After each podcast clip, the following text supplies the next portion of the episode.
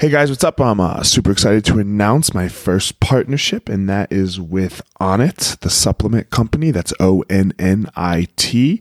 Um, they have all kinds of stuff. They have uh, kettlebells. If you're into working out with kettlebells, they man, just go check out the website. They're a supplement company, Human Optimization. Um, I really like taking their Total Human package. It's got Alpha Brain. It's got New Mood for Night.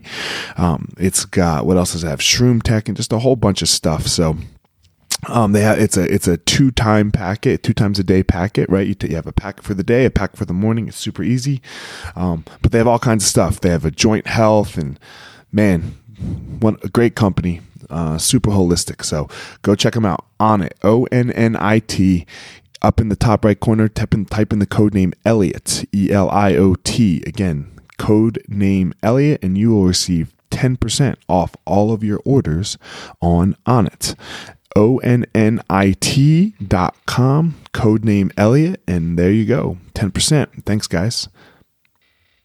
Hey guys, a couple of updates on uh, on me uh, and the podcast. So um, first of all, always uh, go check out elliottmarshall.com for all things related to um, what I'm doing in the podcast. Um, most notably on that, some DBAB t-shirts.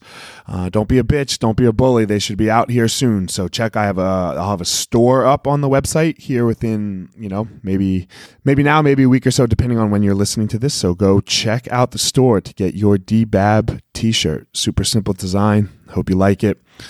Grab one. Secondly, I have created a Patreon page, and Patreon is a really great way to support the podcast if you like it. A lot of great producers, um, podcasters use it. Sam Harris, Dan Carlin. It's real simple, man. If you like it, then go go support. You know that's uh, uh it's, it's the most holistic way. You know, you like it, you you find this podcast helpful, show some love if you could, please. Um, I have some some levels. One dollar, um, one dollar donation per month, five dollar donation per month. That will come with some jujitsu video. So if you're into jujitsu, then um, there you go. Um, and then the ten dollar a month come with some jujitsu video and um, a little uh, motivational stuff. So um, that would be great to check out that um, patreon.com backslash the gospel of fire.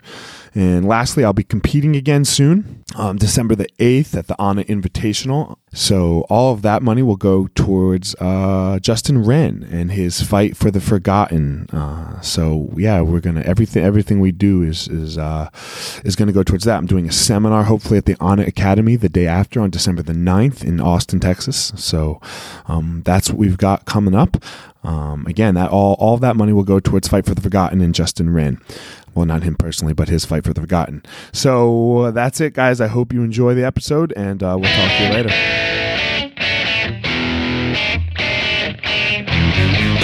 Hey guys, this is Elliot Marshall, former UFC fighter, and this is the Gospel of Fire, where we're going to go through the fire and learn the best way to live our life.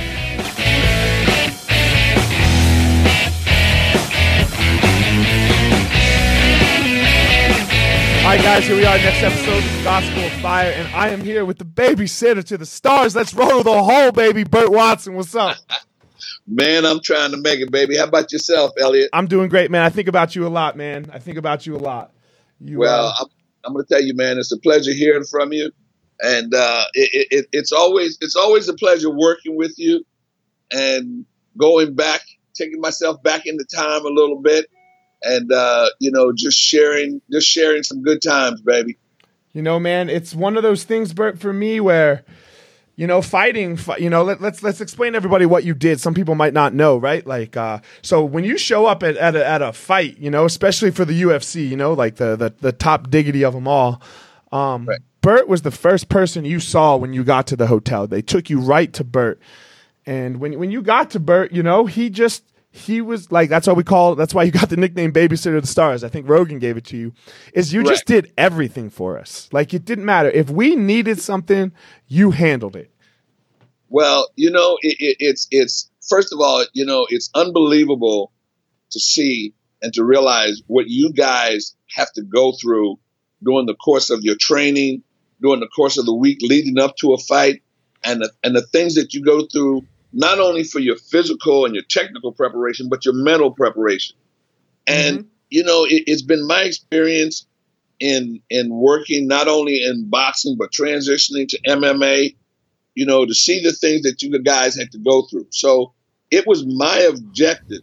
And see, you know, you guys, when I say you guys, meaning you fighters, Right. you included, you know, you guys during the course of the week in preparation for a fight, you know, you put any ancillary thing you could on the top of your head. Whatever it was or whatever you could put on there, you did. And I and I ultimately saw that as I went along through boxing and MMA. And my objective was to take any bit of those little ancillary things off your head that you had to think about and to worry about. And number one, that was you guys showing up on site, showing up knowing that your hotel room was ready. You were picked up at the airport. When you got to the hotel, knowing that you, you, you probably spent the last month and a half trying to cut weight or cut weight. So the very first thing on your mind is grabbing the scale to see where your weight was, uh, uh, making sure you were able to cut weight during the course of the week. So I tried to have all those things in place and prepared so that when you got there and you got to me, the first thing I saw you was that I had those things in place and that I had the things and I was prepared to give you a comfort level. So when you guys showed up, the first person you came to was me. The first thing I did, I brought you in, made sure you guys got checked in, you know, in terms of, of, of checking in and getting your paperwork done and getting your the commission work for your license and those things done. And I took you right to the scale. You know, and that was my way of, of, of giving you an idea of where you were. I mean, you probably knew where you were when you left home, but with the travel and the drinking the water and probably sneaking a little bite here and a little bite there, Sneaking what bites? yeah, yeah, yeah, yeah. Either on the plane or at the airport. You know, first thing you wanted to do was to see where your weight was. So I had a scale prepared for you to hop on and see where it was, and that way, I mean, right, right away, you guys got one step in that comfort level clicked off. That's man. It's it's it's so it was that was so nice, you know. Just because I, I think one of the things that people don't understand is, is they only see that fight that takes place in the cage on Saturday night. You know, they don't see that fight that most of us go through on the scale with the scale. You know, and that's a Yes. that's a long fight. That's a long, grueling fight. It's not a fifteen minute fight. hey, let me tell you something. For most fighters and most guys, a scale was almost as important as getting paid. That's right.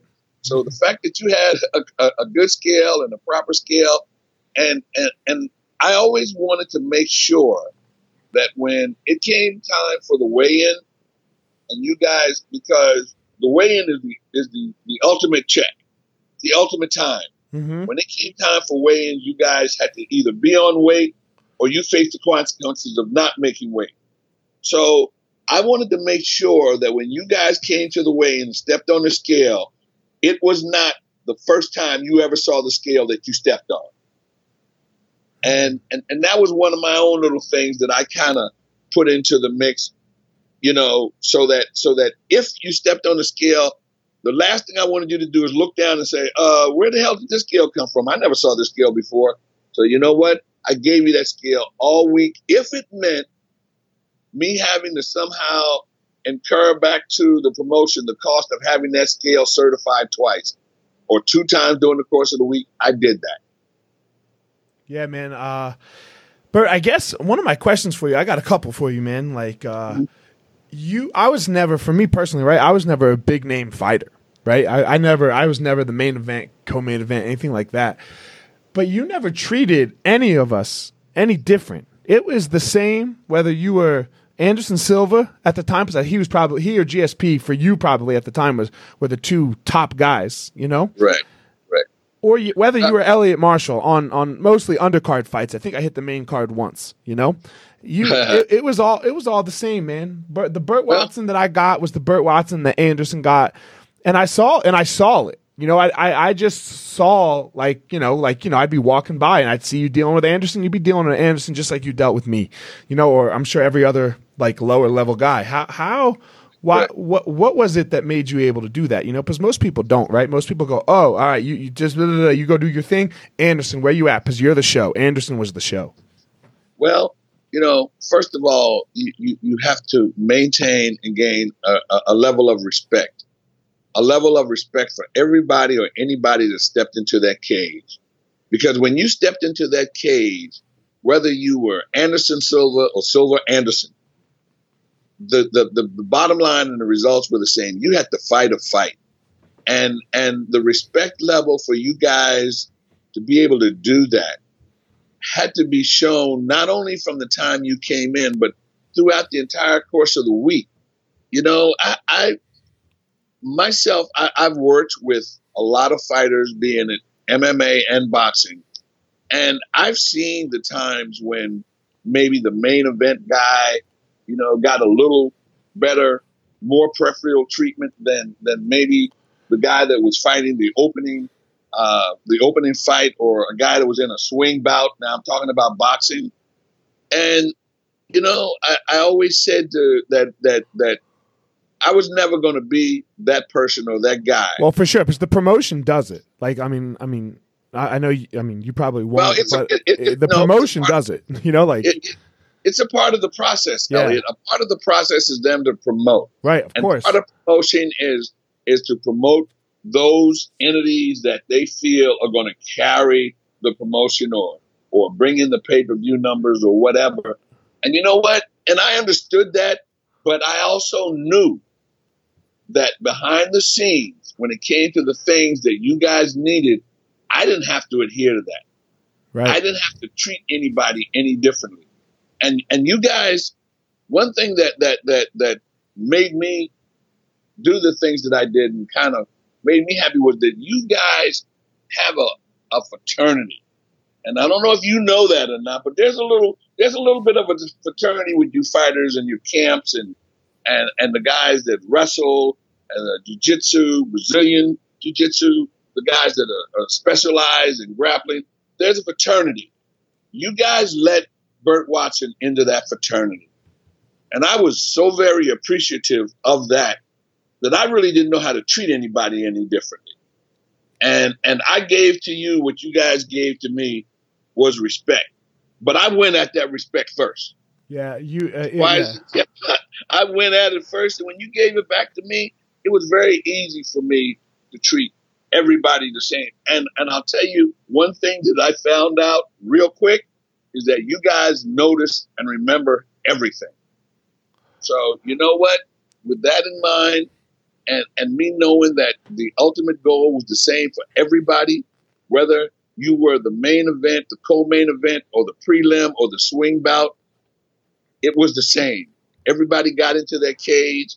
You fought your your your three five minute rounds. If you got hurt, you saw the same doctor. If you had to go to the hospital, you were, you rode in the same ambulance. So, you know, I wanted to make that entire journey uh, with a comfort level for everybody. Man, I, I, I have to say you did it, man. Because like, if there's if there's one thing about fighting in the UFC, uh, you know, while you were there, that everyone talks about, it's you. You know, like yeah. it's it's it's like like don't get me wrong, like I love the experience. You know, I love the experience of the UFC itself. Like it's, I agree with you. Like it's a, it's a special thing you know that that those of right. us especially right. you know especially i would say five or six years ago when when there weren't so many shows and it was much harder to get to the ufc you know um uh yeah that, was that was very special and having you i'm like I, I always wondered i'm like god damn i think he wants me to win my fight you know? and, and I'm sure that you did the same for my opponent, but I wasn't thinking about that. I was like, fuck yeah, man. I know that there's one dude in this building that wants me to win my fight that is not like my best friend, you know? Like, it's Burt Watson. Burt Watson wants me to win my fucking fight. And you know what? Without a doubt, that's exactly how I felt. I wanted everybody to win. And I wanted everybody to feel that that that I wanted them to win. Yeah, man. So so when I when I touched you, I wanted to touch everybody. I remember a time when when going way back, and you know what? Uh, I'm gonna I'm going to mention names because I got them names in my pocket. Go ahead. And, and I actually touched people, and I and, and I actually worked. You know, you, you hear people say, "Well, I did this and I did that." There were times I was at the airport, and I'd be sitting at the airport, and this was early on when the, when it first started, and I would be just kind of chit chatting and talking to a guy, and a guy would say, "Oh, you know what? I was I was uh, at the UFC this weekend, and uh, you know, I fought in there, and I'm looking at this guy, and I'm, my brain is going a thousand miles an hour, and I'm looking at. This, I know this guy didn't just tell me that he fought. Now this was before, you know, people got to know who I was and got to know me, but this was somebody that just went to the fight, and he would tell me that. So you know what? So hold he on, this guy didn't fight. Like he didn't fight no, that night, and he told you that he fought. He just fought in the UFC. Didn't fight at all. Never saw the guy before in my life. I'm I'm sitting there looking at him, and I'm saying, "Now, should I call him out, or should I just let him have that moment?" And you know what I did? I let him have that moment, and I found a way to get away from him because eventually, if he kept talking, I probably would have called him out, but I let him go. You know, but but it, it, it's those things when you realize the things that give people a comfort level, and you can do those things without, you know, without criticizing or without jeopardizing anybody else. You do it. We would, I would always have meetings, you know, before the weigh-in or or or weigh-in day to kind of talk to everybody to tell you guys what was going to go on for the weigh-in or the night before, and just just kind of give you that little Burt energy. And I I had the meeting, and we were sitting in, and I think we were at the MGM, and one thing I believed in, you made weight and you came in on time. If you did those two things, you disrespected me and you disrespected everybody else in the room. So we're sitting in the room, getting gathering around. I'm giving everybody my little speech, and I look up, here comes Mr. Jon Jones, a little late for the meeting. Now this was probably the second fight, not in, or his no, it was his first, not intentionally late, he just was a little late. But you know what? If I tell you a meeting's at 12 o'clock, 12.01, you're late, baby. 11.59, I might be a little angry, but 12 o'clock is 12 o'clock. So when he came down and walked in the room, and it was like maybe three three minutes or so, I stopped the meeting. And I said, you know what? Come over here a minute, son. He walked over, he walked around in front of the room, in front of everybody. And I said, you know what? I'm going to tell you something.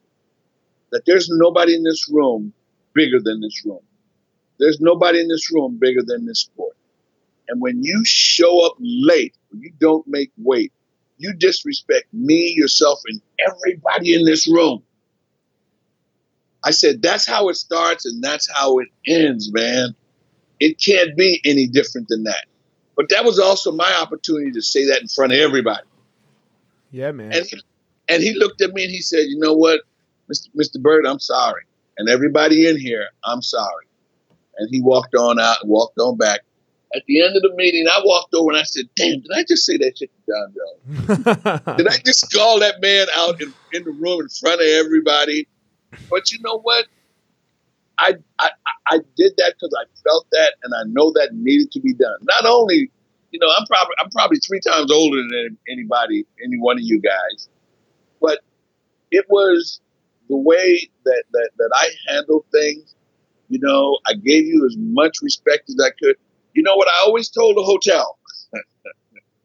you know, when we go to a hotel and we usually have anywhere from 35 to 50 rooms, fighters and camps and all and and, and yep. fans and everything. I'd go to I'd find out I had a contact person at every hotel who dealt with me and me only and I'd find out who the security person was. And I'd go to that person and I'd go to the security person. I said, Do me a favor, baby. You call me before you call the cops. Now, the first time I said that, they looked at me a little strange. But then I looked at them again and I said, I'll tell you, I got a hotel full of young men, full of fighters, cutting weight, probably don't want to cut weight, don't want to be here. I said, and there might be a little bit of a disturbance for your other guests. Do me a favor, you call me before you call the cops. And I can't tell you how many times I've had that happen. that they they came and they knocked on my door. I remember one night when when when I'm in my room about nine o'clock, and I usually shut down around eight thirty or nine o'clock because I was up at five thirty every morning. And I got a call from the front desk and they said, Mr. Watson, we got a problem on the seventh floor. Guys up there, you know, they're, they're making a little too much noise and disturbing the other guests. So, first of all, I was pissed because I had to get out of my bed to go do that. Third, I'm saying, now, you know, this makes no sense. Now, I'm old school, bro. I'm a hood rat with an education. I grew up in Philly. So I also know things that are, are, are just instinctive things. And, and, and, that's also a part of what I use in dealing with my, my job and dealing with you guys. I instinctively did what I knew was best for me when I grew up. So, and what my mom used to do to me. So I got on the elevator and I went on up to the seventh floor. Aside from being mad and pissed that I had to get out of bed, I don't like heights. So I didn't want to be up on no damn seventh floor. So I walked off the elevator and I got halfway to the to the hall and I could hear the noise. But you know what? You guys, I, we would put, I would make sure that half of the card was on one side of the hotel, the other half was on the other side. There were a couple of times I might have miscue a little bit, but without you guys knowing it, I always made sure you guys were kind of half-ass separated. Yeah, I was never on the same floor as my opponent. That's for sure. Or, yeah. or tried to, you know, either the same floor or different sides of the hotel uh-huh. or whatever. So I walked up to the hall. The guys had the doors open, and they were running back and forth from room to room, and and and you know, having a fun and having a good time. Just young fighters, what they did. So you know, and now I, I guess I, am allowed to curse a little bit. I oh, can say whatever you want. So I walked up to the top of the hall and I could see them running. And I look down the hall and I, you know, when I'm ready to take my voice up another octave, I know how to do that real easy. okay? And when I want to be heard, I know how to do that real easy. So I got to the top of the hall and I said, I know damn well y'all didn't have the hotel call me to come up on this floor to tell y'all to shut the hell up. Got real And I heard somebody say, shit, work. And I heard that was the doors closed. Every door that was open was closed. And I just stood there for a minute. I walked away. And that was and it. I, no more. Well, I, I know the doors were shut. And I said, and you better not make me come back up here. Then I walked. away. Hell yeah. Man, you said you grew up in Philly, right? Yes, sir. Where in Philly? My parents, I, I, grew up, I'm an East Coast boy too, and my parents live in Philly now. Well, I grew up in Philly uh, in a, on, a, on 60th Street, 60th and Girard Avenue, uh, which was at the time the heart of the hood. Uh, but I grew up in Philly. I went to I went to, to, to I started elementary school. I went to junior high school. I went to high school in Philly. I'm a I'm a Philly guy, man. I'm a Philly native. I left Philly uh, in '67, and I, I went away. I went away to high school. I mean, I went away to college. I went to a small college in Scottsbluff, Nebraska. Man, you know? how'd you how'd you end up in Nebraska from Philly? Well, first of all, my mom said, I don't know where you're going, but you're getting the hell out of here. You ain't sticking around. That's what I tell my kids too. yeah, you ain't sticking around Philly no more. We getting you out of here. So, you know, I ran track in high school and I was I was pretty fast, bro.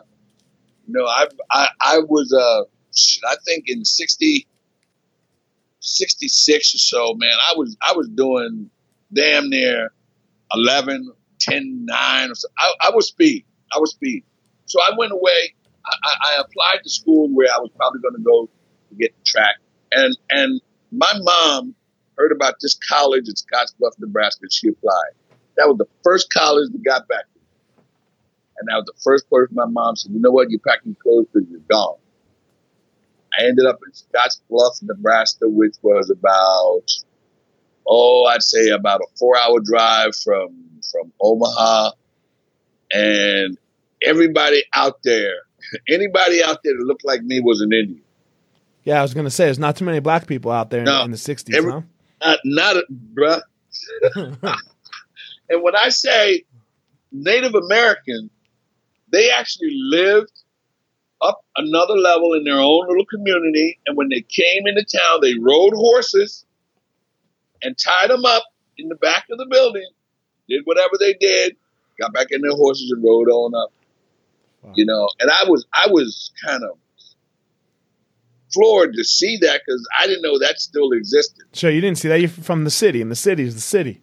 Yeah, for real. Yeah. Well, you know what? I, I'm from the city, but my my mom is Jamaican, and my dad is from the South, Charleston, South Carolina. So during the course of my upbringing, I I was every summer I was packed up and shipped down to my grandmother in Charleston, South Carolina, who sold bootleg liquor out of her kitchen.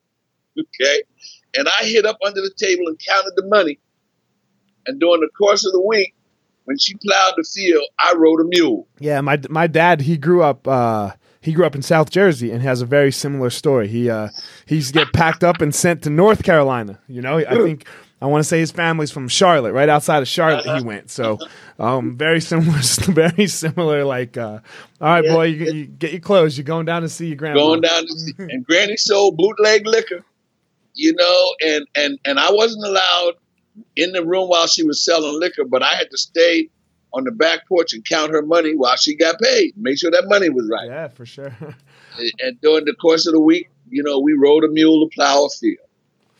So how did you get into boxing? Because that's where you got. That's where you went first, right? Before MMA, yeah. you know, like yeah. you, you were in the boxing game. So tell us. Well, how did you get you there? Know, I'm going to tell you, and I'll make it as brief as I can. And it is probably, you know, probably one of the most unreal stories in in my lifetime. I was, I was actually working in the fashion industry. Uh, I was working for Burlington Industries, and I sold piece goods to manufacturers of men's suits. And where were you at this point in your life? I was that was after the Marine Corps, and I had moved to Ridgewood, New Jersey, which is maybe a, a, a half an hour outside of New York with my family. Okay, with my wife and and at the time I didn't have any kids, but I was on my way. Gotcha. But so I, I, I, I commuted from Ridgewood, New Jersey to Manhattan, and I worked in the garment district. And one day I'm walking from 42nd Street, which was the bus depot, to my office, which was on 56th and 6th Avenue. As I'm walking down the street, there's a car accident. So all the traffic, you know, and at that time in Manhattan, the traffic was a little crazy. All the traffic was stopped and the cars were stopped. And there was a car there, and out of the car comes Joe Frazier. I looked at him and I'm I'm looking, I'm saying, no, nah, that can't be. But he was in a limo headed someplace and was not involved in the accident, but stuck in the traffic and got out. So right naturally I kind of made my way over to say, hey. He said hey back. Because he's a know? Philly guy, right? He's a Philly guy too. Yeah. Yeah. Yeah. And we were talking and I that's and I brought it up. I said, Man, you know, I'm from Philly and yada yada yada. And he was telling me, Yeah, you know, I got a gym and I'm starting a limousine service in Philly and yada yada yada. And Joe was Joe was such a nice. He was plain Joe. That's the way he was. You know, they say Joe had a reputation of picking up strays, and that was that reputation meant that he, if he saw you and he talked to you, he would talk to you. If he had a job he could give you, he would give it to you. That's on, the way. You're, you're not going to tell me right now that there was a fucking car accident and Joe Frazier got out of the car, and this is how you got into boxing?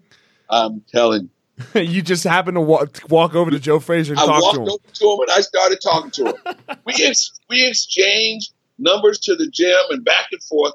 So I said, you know what? I'm, I, will call you, and if I'm ever in Philly, you know, yeah. He said, sure, why not? So you know, about two months later, I called the gym, and guess what? They put him on the line.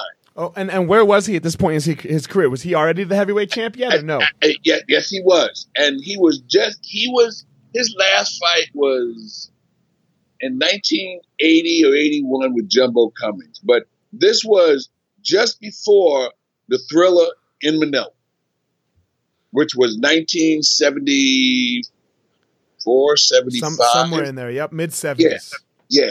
So he was he was big time. This is the height. This is the height of Joe Frazier.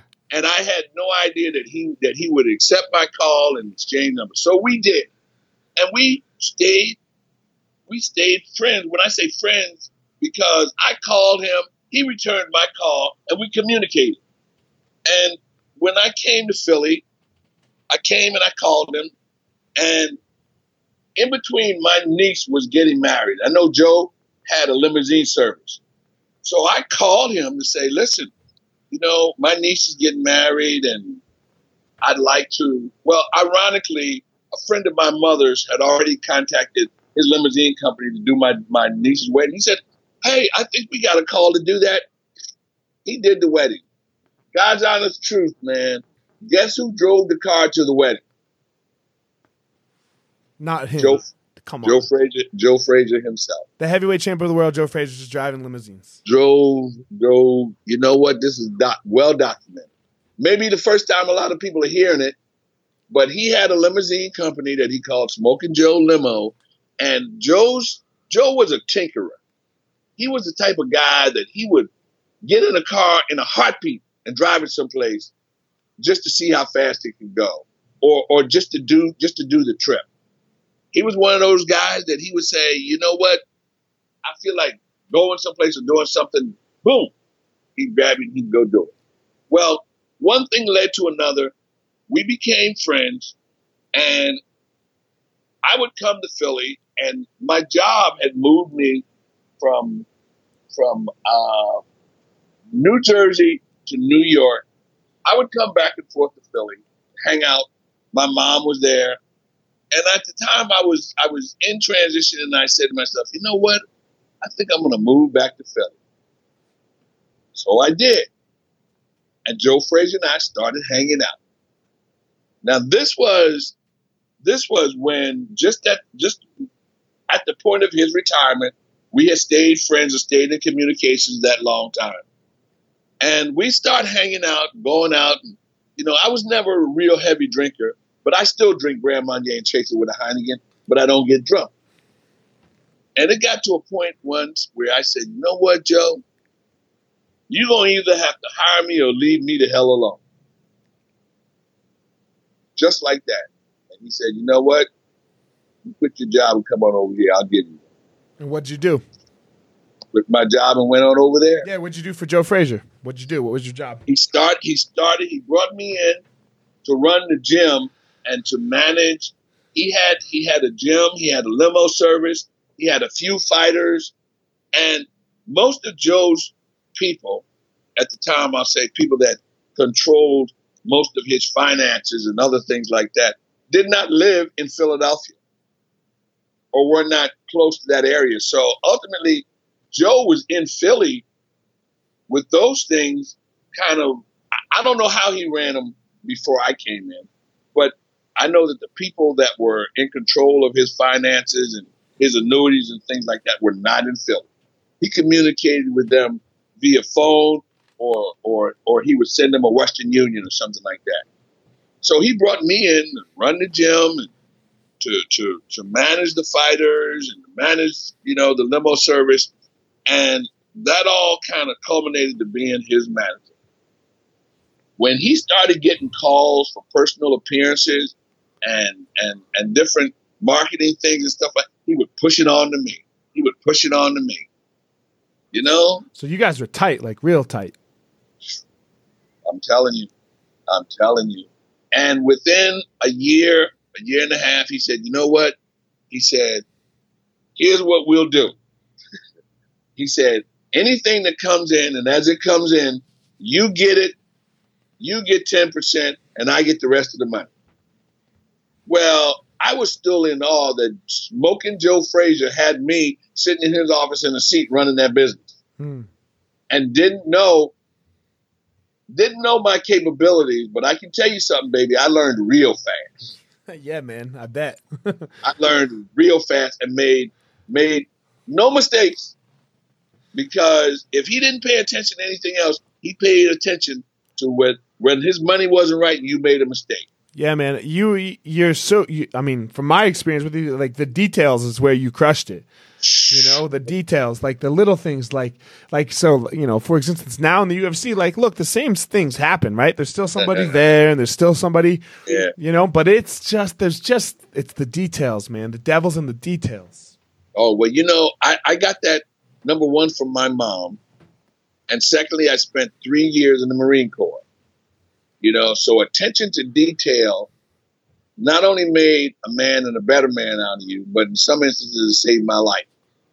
So I learned how to organize things. I mean, I was pressing my I was pressing my jeans shit when I was in junior high school. I was ironing my clothes and folding them up and putting them in order when I was back then because we had to because there was 13 people in my house. If you didn't put your stuff in the right spot, you ended up wearing somebody else's hmm. clothes. Okay. You grew up with So- thir- 13 people in the same house. Yes, yes. I, seven of them were my real siblings, and everybody else was.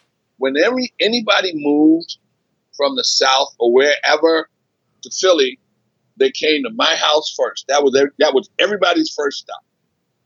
That was everybody's stop to stay until they got themselves together, and then they would move out. So you had this And- like rotating door of of of a lot of people in your house. Two of them, two of them.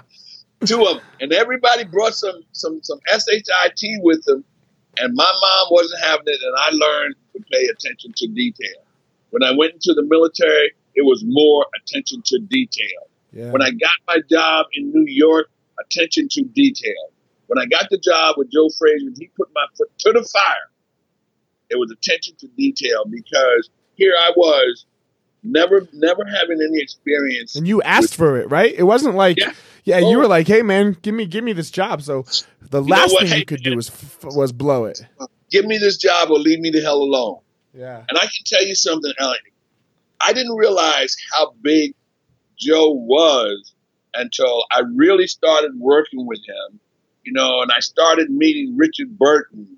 And, and, and when Nelson Mandela got out of prison, the first thing he wanted to do was to meet Muhammad Ali and Joe Frazier. He called our office, not him, but his people, and we took Joe Frazier's championship belt to the United Nations in New York and with a private meeting in, in the in the basement of the United Nations where most of the dignitaries came in and we put that belt around Nelson Mandela's waist. The three of us in a room, the four of us actually, in a room. So you, Around- Mandela, Ali, Joe and Joe no, Frazier. me, no Ali. Well he met Ali he met Okay. Ali at another time. Got it. Okay. It What was? me, Go ahead. Joe, Nelson, and Nelson's whoever his guy was. Okay. With the four of us in the room. What you was? know, What was that relationship like between Ali and Joe Frazier? there was tension. There was tension, and the tension was there because Muhammad Ali learned early how it was to not only market himself, make himself marketable, but also how to work a crowd and sell pay per view television. You know, the, one of the, the first biggest fights in the history of sports was March 8th, 1971, Madison Square Garden, when Joe fought Muhammad Ali when they sold that on pay per view.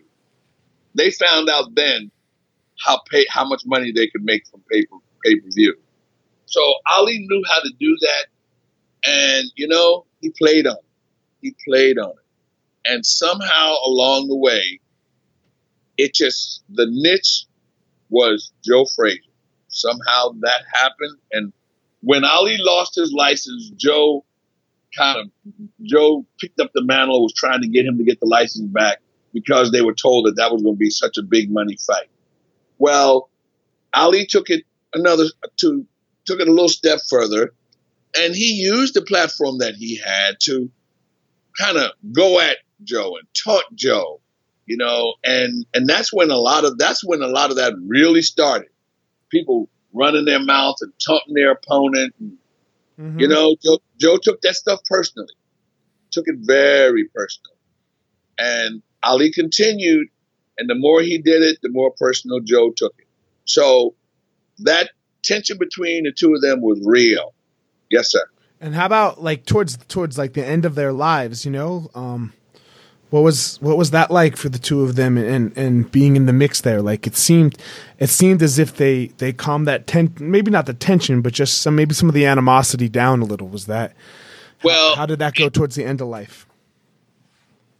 Well, in nineteen, I think it was eighty nine. Uh, a guy by the name of Hollister Whitworth gave me a call, and he had an idea and had some money and had some sponsors and some backers and investors. He had an idea to do a project called Champions Forever, which he was going to take Joe Frazier, Muhammad Ali, Ken Norton, Larry Holmes, and George Foreman, put those five guys together, and do a video, which is now kind of like, uh, oh, what do you call that stuff on television now? Reality. Mm-hmm, mm-hmm. He wanted to do those five guys and the fights that they did together, have those guys travel around and do personal appearances and sit in a kind of a horseshoe setting and discuss the fights they had between each other. Well, HBO snapped onto it and did a video called Champions Forever. We did, for the first time, they brought, since they fought, they brought Joe Frazier, Muhammad Ali, and all these five guys together. We did a tour for that video for about two and a half years between London. I got to meet I got to meet the Queen, all the royal people. We did Japan, we did uh, Australia, uh, and we traveled to every you know the opening of it we did in L.A. in L.A. at the Forum at the Wiltern Wiltern Theater. That was probably the biggest, most massive press gathering I ever saw in my life with those five guys. I think that was the first time I was starstruck when I walked out. Bigger, those, bigger than when Conor fought when you when you were running the UFC. Well, you're talking about you're talking about now 1989 or so when okay. it was just starting to take momentum, and yeah, I would say with that thing champions forever, and the first time Joe Frazier, Muhammad Ali had really got together, and done a tour, I would tell you that there had to be 300 media people with cameras at that event. Now, in 1989, that's a lot of people. Yeah. That's a lot. So, with doing that video project and traveling around with those guys, they started to get a little closer. They started to understand a little more about each other. And the tension between them started to kind of wane away a little bit because not only were they traveling together, it had gotten to a point where that thing became so successful, they started to separate the guys. Like they would send Joe and Larry Holmes and Ken Norton one way and Muhammad and George Foreman another way. Then they would switch it up, and the two people they would switch up would be Joe and Muhammad. And then they would send them in different direction with the guys. And the one person that did the tour with all of them was me. I was the only person that was on that tour and Howard Bingham, who at the time was Muhammad Ali's photographer. You know, he was he was there, but I I did every. I mean, we did a night of hundred stars in NBC. You know, with with with Jerry Rice and Herschel Walker doing ballet, and and and Wilt Chamberlain and and and uh, Richard Burton, and I can't tell you the amount of people. I'll tell you a quick story we got a call to make an appearance in we got a call to make an appearance in LA. So we went to LA to meet this guy. His name was Kenny Johnson. At the time, Kenny Johnson was the manager for Sherman Hemsley. That was George Jefferson. Okay. So okay. We, we went out to LA and and and we met with Kenny Johnson. You know, kind of you know my first time but he was, you know, he knew who I was, and you know, he welcomed me like he knew me for years. He said, "Listen, man, we're gonna go out to dinner tonight." You know, I don't remember the name of the restaurant, but it was exclusive. I met downstairs with Joe. You know, we got in the car. We went on to this place for dinner. We met Kenny. John. We're sitting at this table at dinner, and then right across, you know, it was a table that sat maybe I'd say maybe about nine people. And then this group comes in, and this woman sits not at the head of the table, but kind of catty cornered to me, and this guy sat next to me. So I looked over at Kenny Johnson and I asked him, I said, uh, why is she sitting there and, and she looks familiar? You know, kind of who was that? And he said to me, if you don't know who that is, you don't need to be at this table. well, the woman was was Madonna. The guy was Mickey. One of the guys was Mickey Rourke, and the other guy was uh, uh, oh, one of the guys from Kiss. Gene. And I, I, I had, I don't remember. I don't think it was Gene Simmons because I would have remembered that, but it was one of the other guys. But what I'm remembering is the fact that Mickey Rourke and Madonna were together. And this was when Madonna was Madonna. Madonna, yeah. Okay, you know, and these are things that would have never happened to me in my lifetime. You know, I mean, but because of Joe Frazier and being with him, you know, it was it was unbelievable. Because of a car accident in New York City. So I stayed with Joe and worked on, and as things went along, eventually in the early '90s or so, things started to get a little lean. So I was I, I went to Joe and we were talking. And I said, listen, you know, I got to try to start doing some other things at the same time to try to try to make. So he introduced me to Butch Lewis, who was Joe's friend, who had Michael Spinks, and was also getting ready to hook up with Bernard Hopkins, who was getting ready to come out of prison. So Butch Lewis said, "You know what? I'll tell you what. You come work my fight, and you do things for me the same way you do them for Blue. That's what that's what uh, uh, Butch Lewis called Joe Frazier. He said, "You do your things the same way and run my fight, and I'll pay you." And I said, "Well, shit, that's that's pretty easy." And and and I said to him, "And I'm not to hear your mouth all night." He said, "If you run it right, you won't have to hear from me." I ran it right. That was my first job as a coordinator. I ended up doing fights for for for Michael Spinks, Butch Lewis, Bernard Hopkins, which eventually led, led, led to Roy Jones, Oscar De La Hoya, Tito Trinidad, Roberto Duran, Sugar Ray Leonard, uh, Camacho, Macho Camacho, Julio Cesar Chavez. Uh, it eventually led up to meeting Laila Ali. Laila Ali was 25 and 0. I did 23 of her fights. Uh, ended up doing fights for Showtime and HBO. Meeting Mike Tyson. I did Mike Tyson's last six fights. The only person I've never worked with in boxing was Lennox Lewis. Anybody else, Elliot, you can name, I worked with. As a matter of fact, I was in Vegas and I was doing the, it was Oscar De La Hoya against Arturo Gatti. I was the coordinator for that fight. Damn, But that all eventually led from getting my job with Joe Joe, to. Butch Lewis yeah, and all. yeah, yeah. So I'm doing this fight because the, the people hired me to, to be the coordinator. I was I had everything. They dumped everything in my lap and I did everything. So as I'm doing this fight, this guy by the name of Bernie Dillon, who was the guy, the head guy that was the liaison between the two promoters.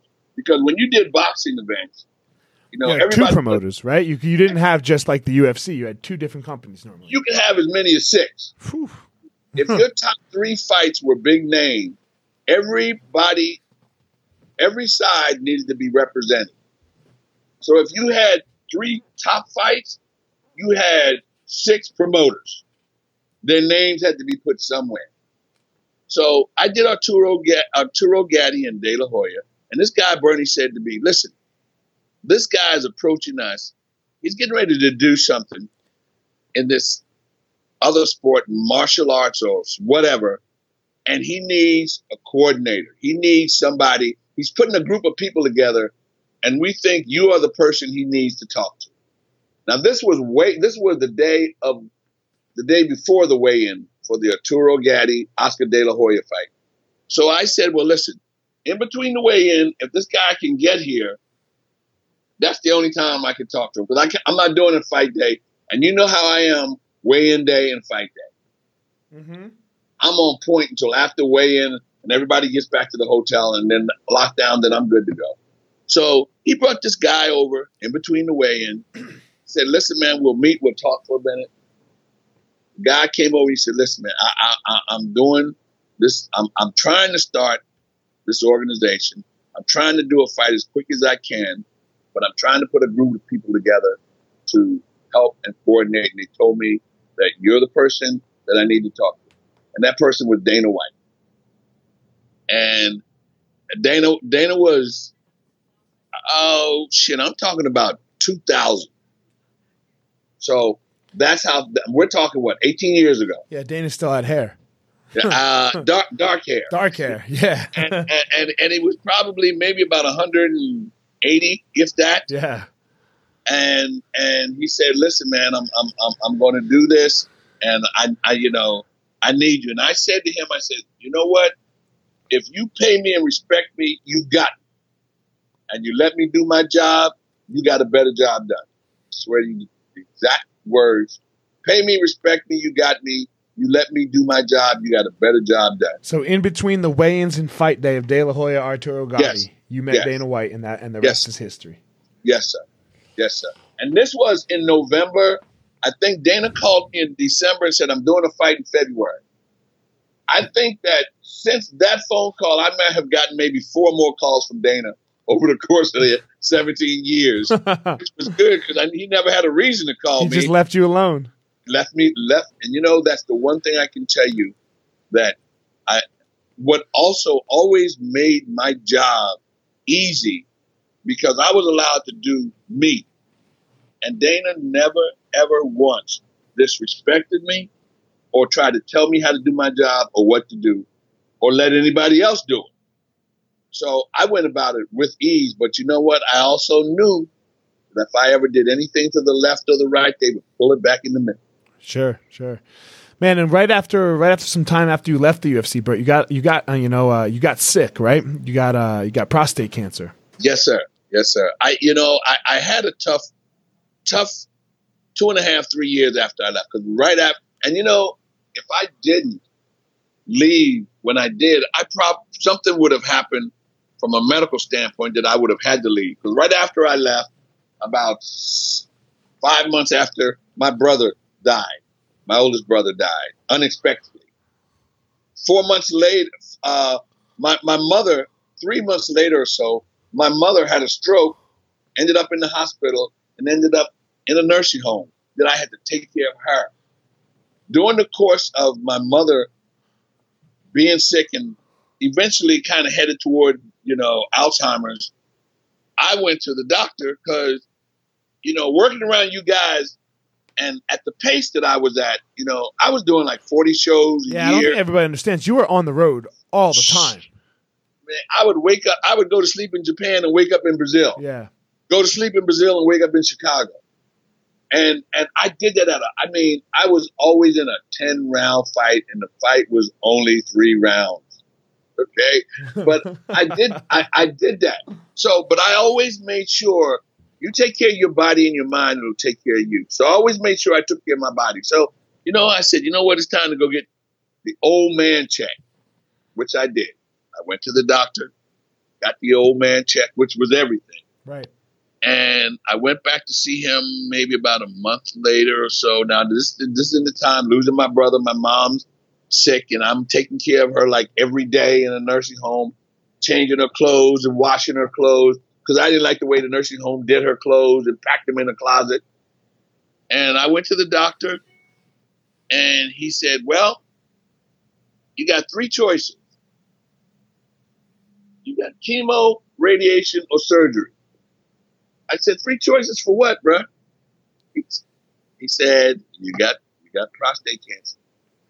Now, this was also a doctor that had been my doctor for like 14 years when, when I was with Joe Frazier or more. So we had that kind of relationship that he talked to me like that. Because the way he said it to me, if he was just a strange doctor, that was not good bedside manners. But he said, "Uh, you got those three choices. You know, you got chemo, you got radiation, you got surgery. And I said, for what? He said, well, you got cancer. And I just looked at him damn, cancer. He said, Yeah. So I said to him, Well, let's try to start. I'm not going to do surgery because I know damn well my body's not going to let me sit still for three months or four months with surgery. So I said, Well, let's try to start with the chemo. And he told me what it was and the mixture and the stuff you had to. And I said, ah, you know what? Let's do the radiation. So for 67 days, every morning at 7 o'clock in the morning, I was in a radiation center laid up on the table. Now, you do it from Monday to Friday. I still was working. I was still getting jobs and traveling and and and my I was a little more I don't want to say popular, but I got more jobs when I left the UFC and decided to go back to work, you know, than I thought I did. So I did I did radiation from Monday to Thursday and I left Thursday night to go on a job to do a fight and come back on Monday morning was laid up on the table to do the radiation. And I went through 60 how many ever days of radiation and we are now in uh, October, uh, May of this year. I found out that I was cancer free. Hell yeah, and man! I, I I didn't miss a beat, man, and and I I thank God, man. And I don't know I don't know how it happened, but I always thought cancer was a death sentence.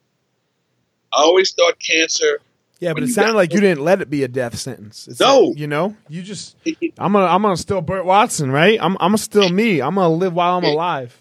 Hey, hey, man! And then shortly afterward, I did two PSAs for about prostate cancer because I found out number one that it was hereditary, so I had to tell my son, right. and number two how prevalent it was in African American men and men in general, starting at the age of 49. 49, yeah.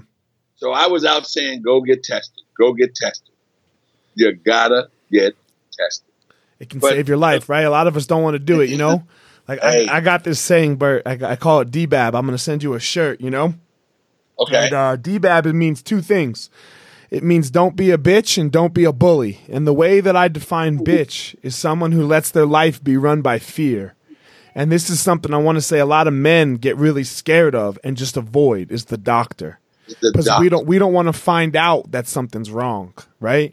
We're we're we're, we're being bitches, you know. And that's and, and that is so wrong. And you know what? If it were not for you guys and working around you guys, you know, and everybody I work everybody I worked around had a had a, had had a nine pack. you know, everybody I worked around could fight. Come on, know? man, not Roy Nelson.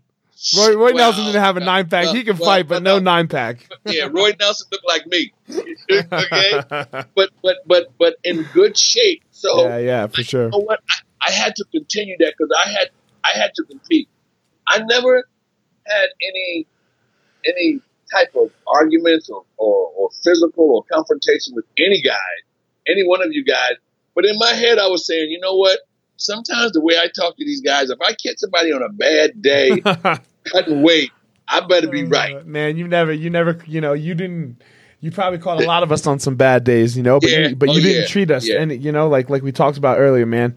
Um, but uh, you know, you're cancer free now, and I know you're working. Like you, you did some, you did a lot of put big push to to tell men to to to DBAB a little bit, right, and not not go get and go get tested. Man, you know, go get tested.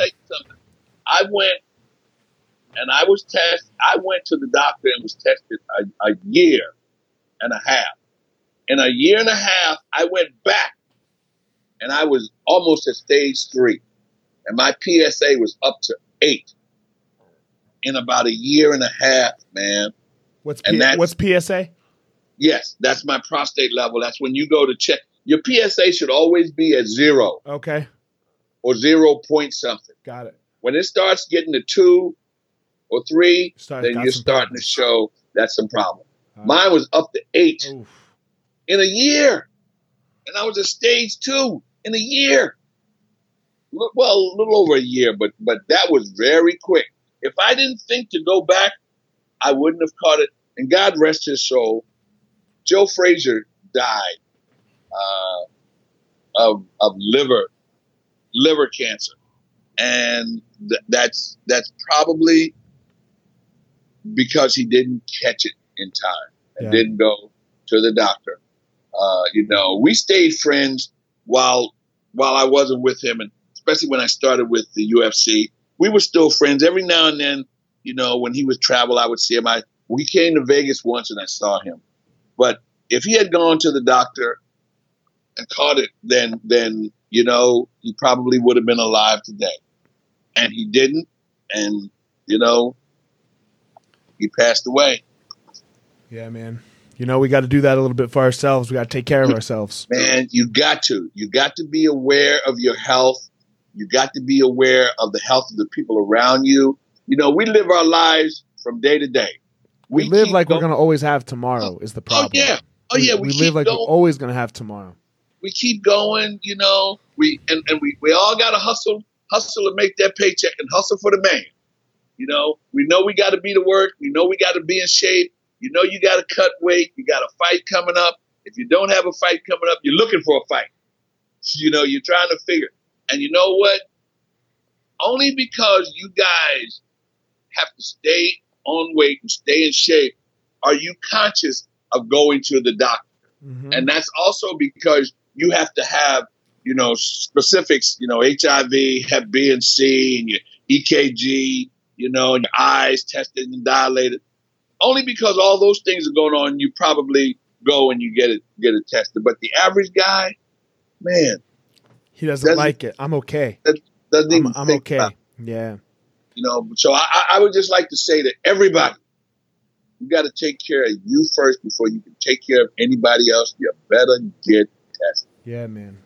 Burt, man, I can't thank you enough for everything you did for all of us. You know, I, uh, I, I, I think I speak for every single person that ever stepped foot in that octagon while you were, while you were working with the UFC. That um, you just, you just made a very difficult time in our lives, right? Like that, that fight week, very stressful, very, very, um, just consumed with a lot of things. You made, you made that week easier. You know, you made that week as easy as it could be. So, um, man, I thank you very much. Tell everyone where they can reach out to you on social media, where they can connect with you. Well, you know, I appreciate that, and I'm going to tell you.